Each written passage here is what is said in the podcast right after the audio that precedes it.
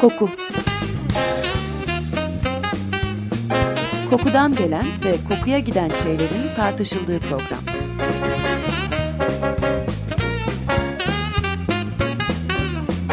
Hazırlayan ve sunan Vedat Ozan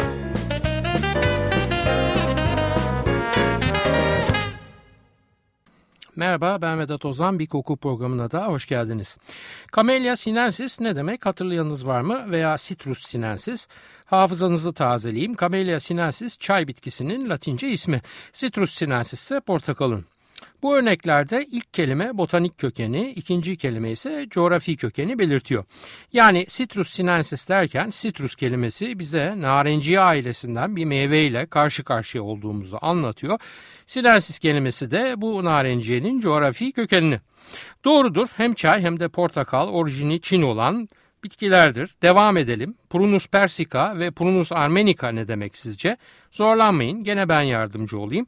Prunus ailesi içinden iki meyveyi tarif ediyor bu latince isimler. Her iki meyve de pek çok ünlü parfüme mesela Guerlain'ın Mitsuko isimli efsanevi parfümüne açılış karakterini veren meyveler. Bu iki yakın akraba meyve modern zamanların pek çok parfümünde de ayrıca yer alarak meyveli veya fruity tabir edilen parfüm ailesinin sabit üyeleri oluyorlar. Her ikisi de prunus yani erik kökeninden geliyorlar.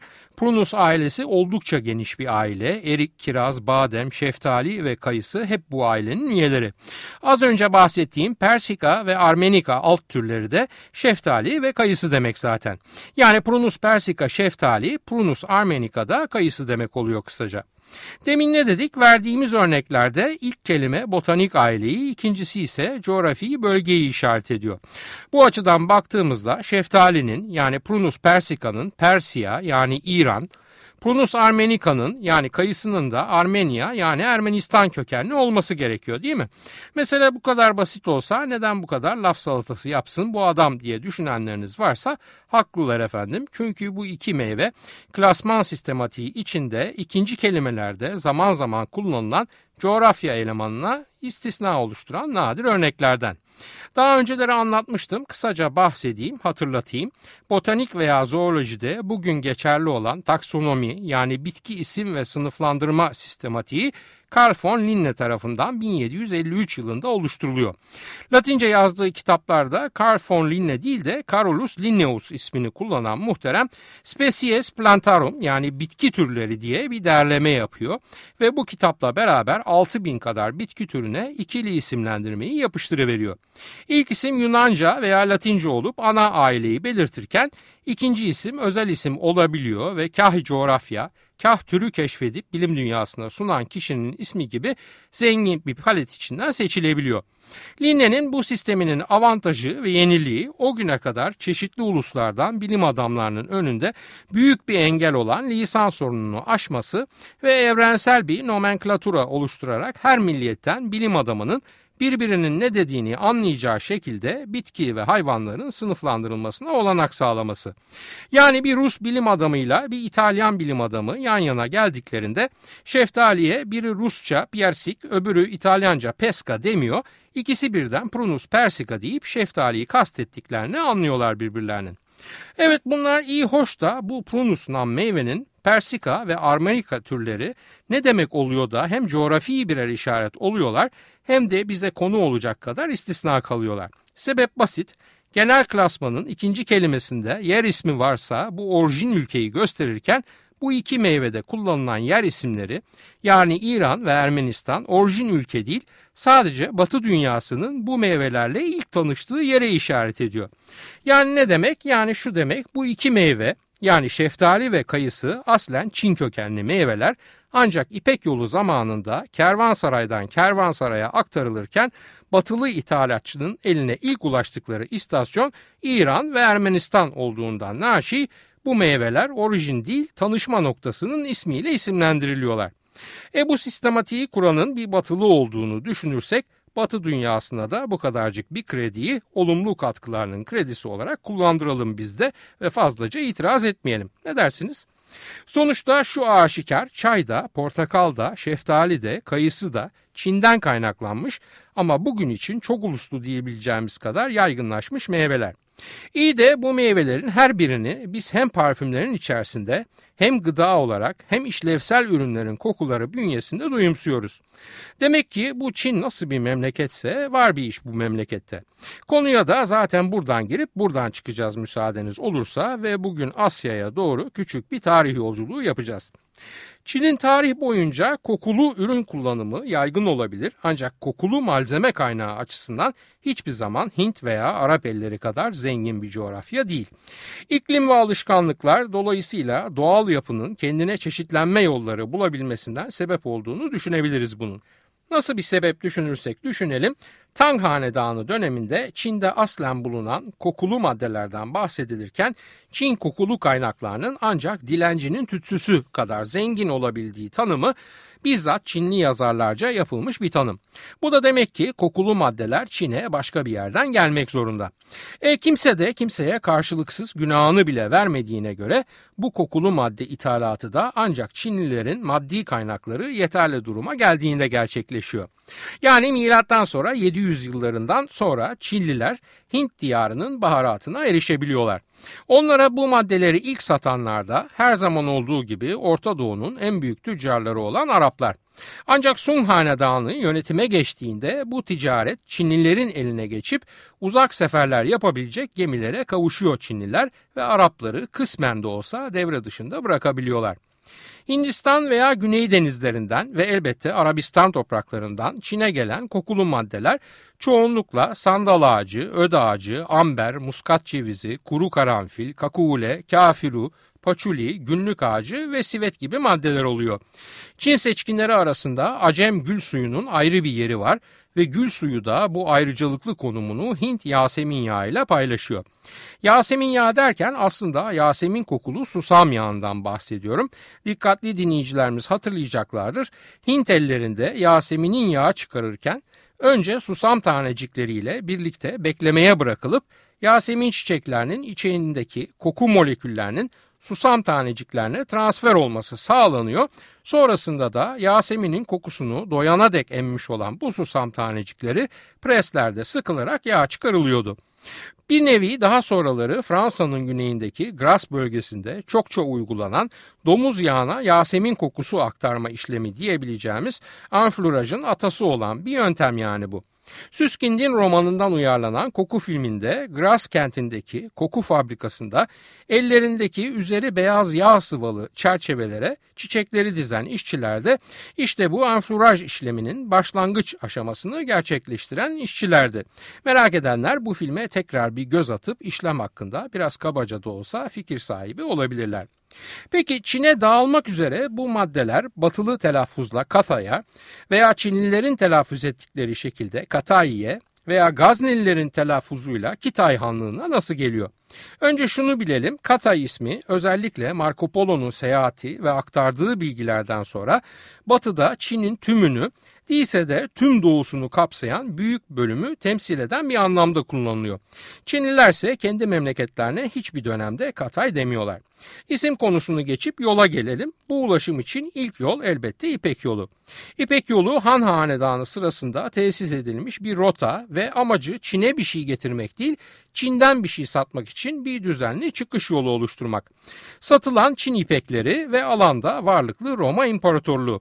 Ancak İpek yolu deyince bu yolun yolcuları olan tüccarların başından sonuna yolculuk ettiği gelmesin aklınıza. Yolda kervanların konaklaması için muhtelif kervansaraylar var ve bunların pek çoğu aynı zamanda bir aktarma istasyonu görevini görüyor. Yani mal yol boyunca elden ele aktarılarak ilerliyor satış noktasına doğru. Yol yani rota önemli ancak her dönemde aynı önemi taşıyamıyor. Zira Han Hanedanı iktidardan uzaklaşıp Roma İmparatorluğu'nun gücünün de zayıfladığı dönemlerde bayağı bir önemsizleşiyor. Daha sonra iş başına gelen Tang Hanedanı ve hem Arap hem Acem tüccarların ticareti tekrar ateşlediği dönemlerde ise kaybettiği önemi geri kazanıyor. Bugünkü adıyla Siam bölgesi tüm yolun doğudaki en önemli istasyonu ve zamanında muhtemelen yeryüzündeki en kalabalık şehir sayılıyor 2 milyon nüfusuyla. Yaseminli yağlar, gül suları vesaire buradan saraylara dağılıyor. Kafuru ve miskler ise ipeklerle beraber daha batıya yollanmak üzere gene buradan yola çıkıyor. Rota daha sonra Gobi ve Taklamakan çöllerinin eteklerinden dolaşıp dünyanın çatısı denilen Pamir yaylasından geçiyor. Tabi bu arada tek rota bu değil. Arap tüccarların gemileri de bugünkü Irak sınırları içindeki Basra limanından yola çıkıyorlar. Yükleri sandal ağacı tomrukları ve bilumun baharat. Bu gemiler de Malay Yarımadası'nı dolaşıp Vietnam kıyısından Doğu Çin denizindeki limanlara ulaşıyorlar. Bu deniz yolculuğunun ilk gerçekleştiği dönemse 2. Abbasi halifesi olan Halife El Mansur'un dönemi. Basra körfezinden Çin'e uzun menzilli bu ticari seyahatler aslında gerçekten de uzun oluyor. Çünkü arada ve ortadaki mecburi beklemeler dahil gidiş geliş bir ring seferinin süresi yaklaşık bir buçuk yıl. Ama zaman o zamanlarda bugünkü kadar hızlı akmıyor. Bunu lütfen unutmayalım. Hayatın temposu da imkanlar ölçüsünde süratli ancak ve kimsenin öyle büyük bir acelesi yok. Bu deniz rotasında bir meşhur kaptan var mesela isminden kaynaklarda söz edilen Basra'dan Çin'e tam 7 kez gidip geldiği söyleniyor bu muhteremin. Kolay bir yolculuk değil ve özellikle muson rüzgarlarının cömertliğine çokça bağlı yolda geçen süre. Ama unutmayalım ki yolun iki ucunda da bu ticareti yapmaya fazlaca hevesli iki büyük imparatorluk var ve bu nedenle de neredeyse düzenli diyebileceğim gemi seferlerine kadar varıyor iş. Çin'e varınca da hocam malı vereyim kaçayım ben evde beklerler muhabbeti asla mümkün değil. Çünkü çok sıkı bir gümrük kontrolü söz konusu. Bu nedenle gemilerin yaptığı bu bir buçuk yıllık ve toplamda 16 bin kilometrelik yolculuğun 6 aylık süresi gümrük işleriyle geçiyor. Bilginiz için gemi Çin'e varıp limana yanaşınca daha kafadan malın %30'una vergi olarak el konuluyor. Bu seferler sırasında sadece baharat ve ipek mi el değiştiriyor? Elbette değil ve maddenin doğasına aykırı bir durum olurdu bu. Kültürel anlamda da her iki uçtaki medeniyet pek çok şey alıp veriyorlar birbirlerine. Çinliler Hint-Arap kültürü içindeki sıfırlı sistemi bu kültürel alışverişin bir nişanesi olarak kendi matematik kültürleri içine gömerken Araplar da Çinlilerden pusula diye bir nesne öğreniyor ve hemen öğrendikten sonra da özellikle deniz seferlerinde yön bulmak amacıyla bol bol kullanmayı ihmal etmiyorlar. Sıfırı pusulayı bir yana bırakıp müsaadenizle bir kısa kahve molası verelim efendim burada. Hem dilimiz dinlensin hem damağımız tatlansın. Grup Karmate'den dinliyoruz Yağmur. Yağarsa yağmur yağar, yağarsa yağmur yağar.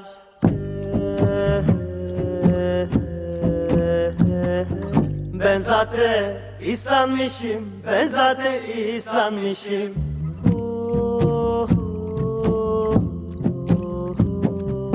Gelursa yarım gelir, gelursa yarım gelir. Zaten gör eslanmışım, zaten gör eslanmışım. Radyolarını yeni açanlar için hatırlatıyorum. Açık Radyo 94.9 Koku programındayız. Ben Vedat Ozan. Grup Karmate'den dinledik Yağmur. Araplar sefere çıkar da elmanın öbür yarısı yani Çin durur mu? Onlar da diyorlar ki ya kardeşim madem Arap gemileri gelip bize mal satabiliyor biz neden direkt yerinden almayalım da hem navlun hem de yüksek aracı karının bir kısmını biz sebeplenmeyelim. Bunu diyorlar da tabii arzuların gerçekleşmesi imkanlara bağlı. Arap toplancı tüccarlarını kendi ticarethanelerinde ziyaret edip parayı da önlerine löngedenek atıp malı nispeten ucuza kapatabilmek için gemi lazım, donanma lazım. Çin hükümeti hemen karar alıyor ve başlıyorlar ticaret donanmalarını genişletmeye. Kısa denebilecek bir süre içinde 3000 denizcilik Çin bahariyesi 50 bin kişiye ulaşıyor ve başlıyor bu kez Çin'den yola çıkan baharat ticareti donanmaları sulara açılmaya. Yalnız bu arada bir başka yönüne daha bakalım bu kokulu madde ticaretinin müsaadeniz olursa.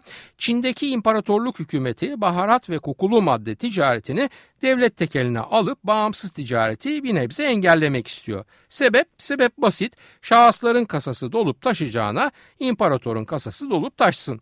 İmparatorun büyüyen servetinden arada 3-5'te tebaasına hizmet olarak geri dönerse oh ne ala.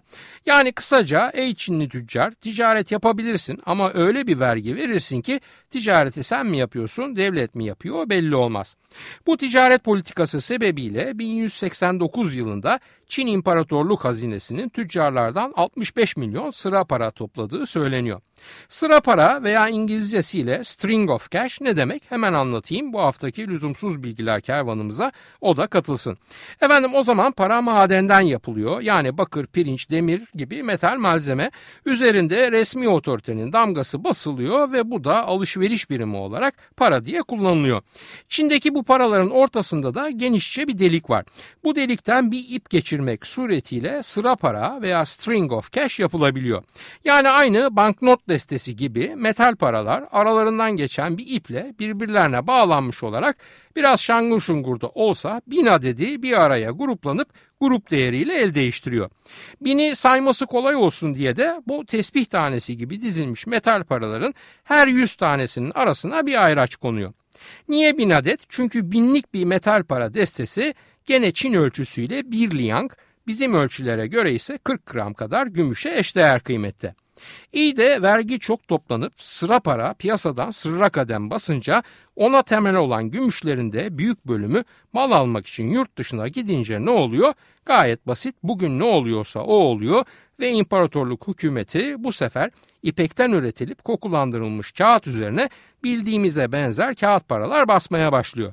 Tahmin edebileceğiniz gibi dünyanın bilinen ilk kağıt parası da bu ve kokulu madde ticareti sırasında oluşan açığı kapamak maksadıyla üretiliyor. Ey koku sen nelere kadirsin dedirtmez mi insana şimdi bu. Durun daha bitmedi. Tabi para söz konusu olunca olaylar doğal akışında gerçekleşiyor. Yani demem o ki parayı kokulu ipek kağıda basmak keyifli gelince ipin ucu kaçıyor ve hazinede mevcut gümüş karşılığından çok daha fazla nominal değerde kağıt para piyasada dolaşmaya başlıyor. Belki de tarihin ilk hiperenflasyonuna bu sebep olup bir süre sonra tedavülden kaldırılıyor kağıt paralar.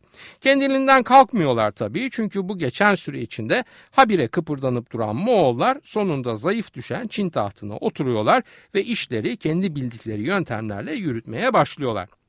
Evet Moğollar sonunda buraya da geldiler ve Çin'de iktidarı ele geçirdiler. Bu dönem karadan batı ile yapılan ticaretin yani İpek yolunun ve ona paralel diğer kervan rotalarının canlandığı dönem oluyor. Bu Moğol hükümranlığı döneminde batıdan da oldukça ünlü bir ziyaretçileri var Çinlilerin ve belki Çin'de değil ama batıda bu muhteremin aktardıkları çok büyük ilgi görüyor. Evet doğru bildiniz bu muhteremin ismi Marco Polo.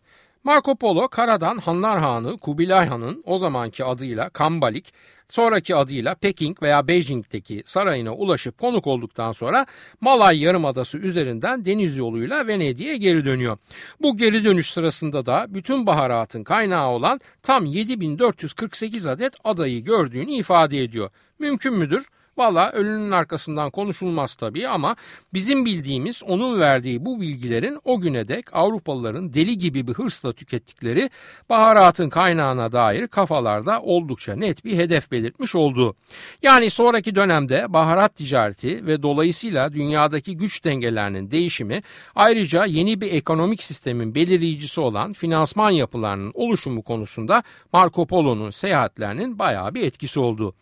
Marco Polo bütün bu bilgileri seyahat dönüşü Cenevizlilere esir düştüğünde zindanda arkadaş olduğu Rusticello da Pisa diye bir yazara naklediyor ve Rusticello da Pisa da bunları bir kitaba dönüştürüyor. Yani kitap Marco Polo'nun seyahatlerini anlatıyor ancak yazan kendisi değil.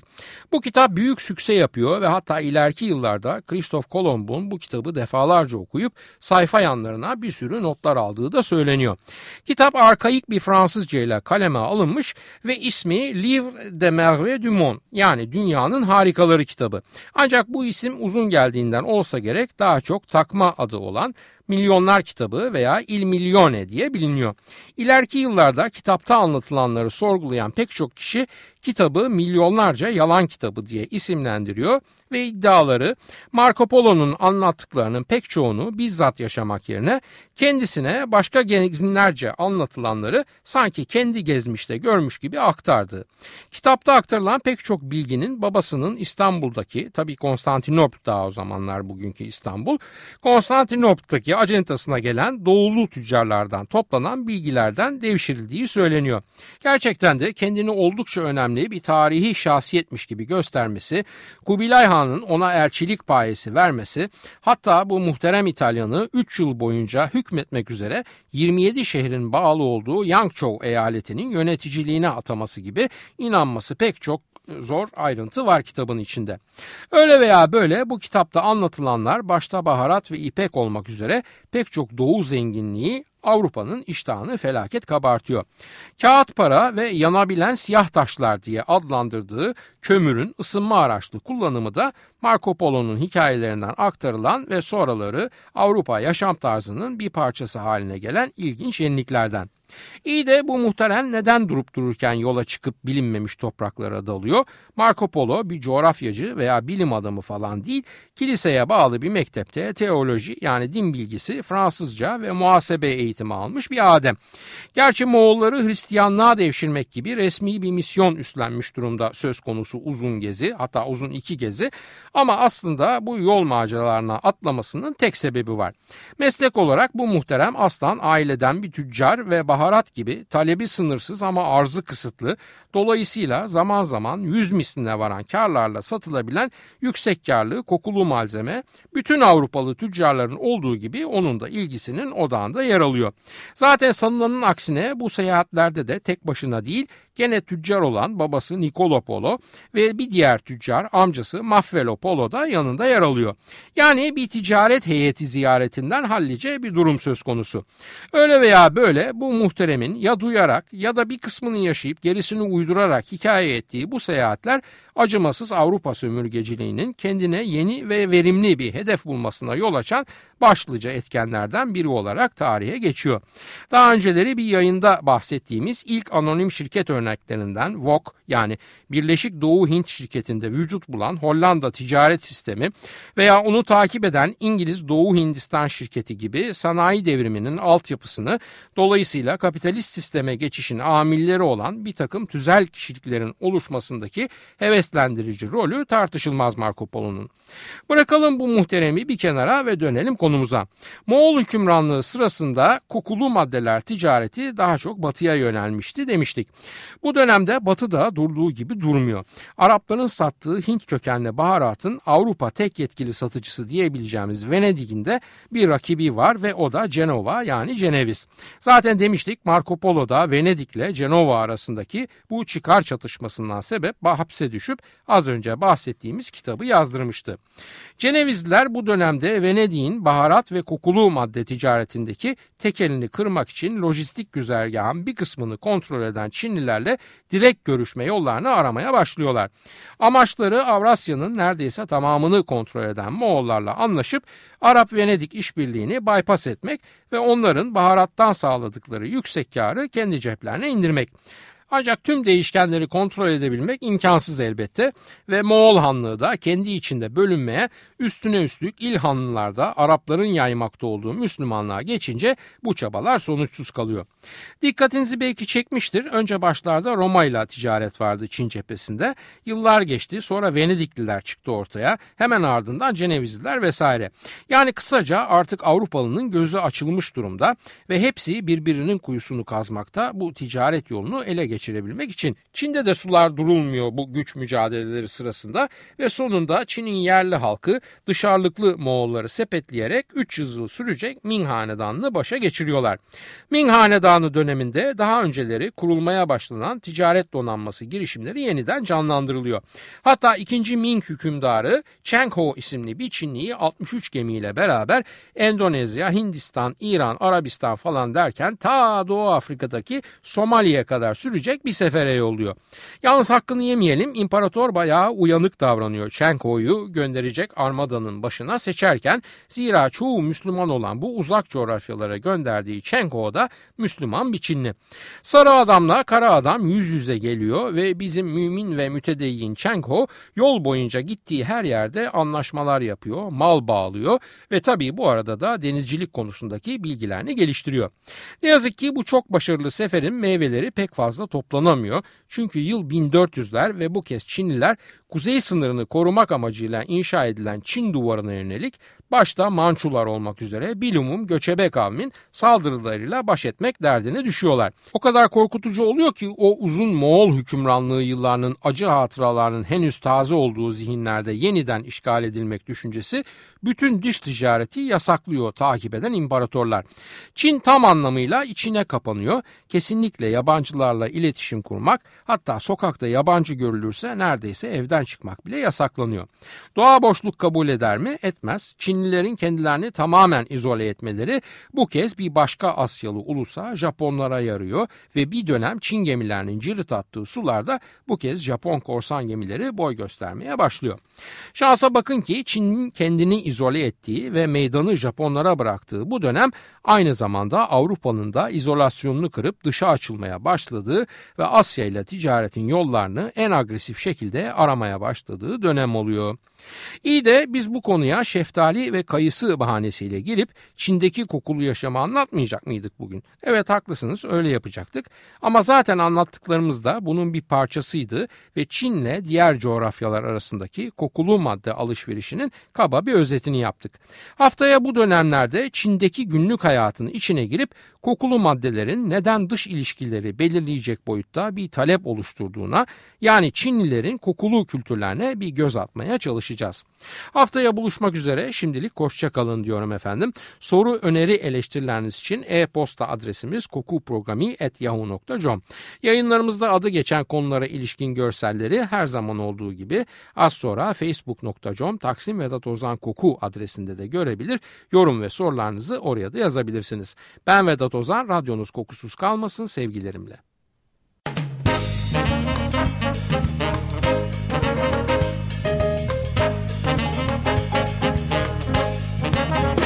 Koku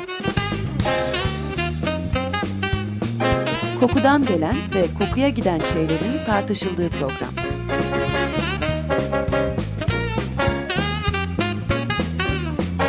Hazırlayan ve sunan Vedat Ozan